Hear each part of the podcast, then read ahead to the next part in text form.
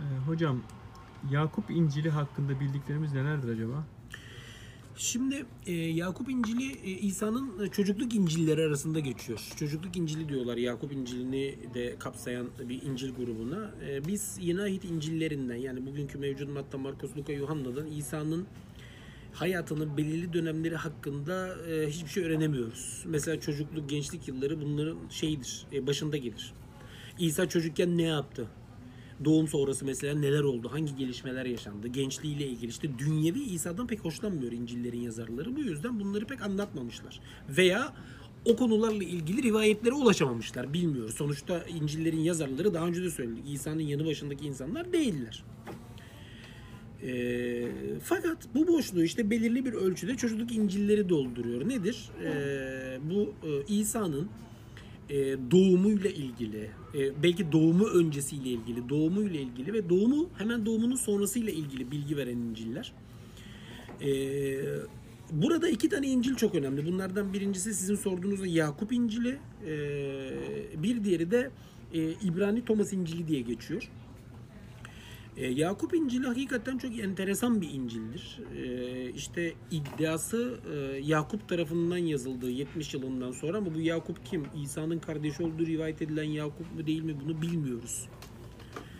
İşte e, 150 civarında el yazmasında muhafaza edilerek bugüne kadar gelmiştir. Birçok farklı dilde. Yunancası, işte Süryanicesi, Ermenicesi, Kıpticesi, Gürcücesi falan bir sürü, bir sürü dilde şeyi var, tercümesi var.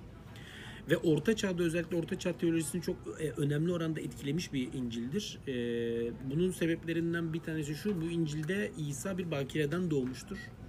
Zaten İncil temelde Meryem'in öyküsünü anlatır. E, buna Batılılar Protevangelium of James diyorlar. Yani İncil'in metnine baktığınızda öykü Meryem'in annesi ve babasıyla birlikte başlıyor. İşte e, Meryem'in annesi Hanna'nın e, çocuğu olmuyor. E, bunlar e, işte e, bu konuda dua ediyorlar, eksiklik hissediyorlar İsrail e, topluluğu içerisinde. E, babasının adı da tabii biz İmran diyoruz. O Yunanca metinde ya, e, Yakobu diye mi geçiyordu? E, müsaadeniz olursa Joakim. E, Yunanca metinde Joakim diye geçiyor. Ee, bizim Kur'an-ı Kerim'de İmran diye zikrediliyor. Bunlar e, Hanna ile ikisi e, işte e, yaptıkları duanın karşılığında Meryem e, dünyaya geliyor. 3 e, yaşına kadar evde, 3 yaşından sonra da e, tapınakta Zekeriya'nın denetimi altında e, büyüyor. İsrail'in saf ve iffetli hanımı olarak ve bir bakire olarak İsa'yı doğuruyor. Ondan sonra da bekaretini muhafaza ediyor. Mesela bu Roma Kilisesi'nin bugünkü görüşüdür. İsa'nın e, özür diliyorum e, Meryem'in İsa'yı e, doğurduktan sonra da bakire e, kalmayı sürdürdüğü yönünde. E, İsa'nın kardeşleri var fakat bunlar Meryem'in nişanlısı olduğu söylenen Yakup'un e, daha önceki e, daha önceki bir evliliğinden e, olan çocukları yani İsa'nın bir nevi yarı üvey kardeşleri öyle söyleyelim. İncil bize çok net bir biçimde İsa ve annesi ve hatta Zekeriya gibi Meryem gibi bir takım figürlerin çok net bir biçimde monoteist oldukları, e, Musa şeriatını e, riayet konusunda e, titizlik gösterdikleri bilgisini veriyor.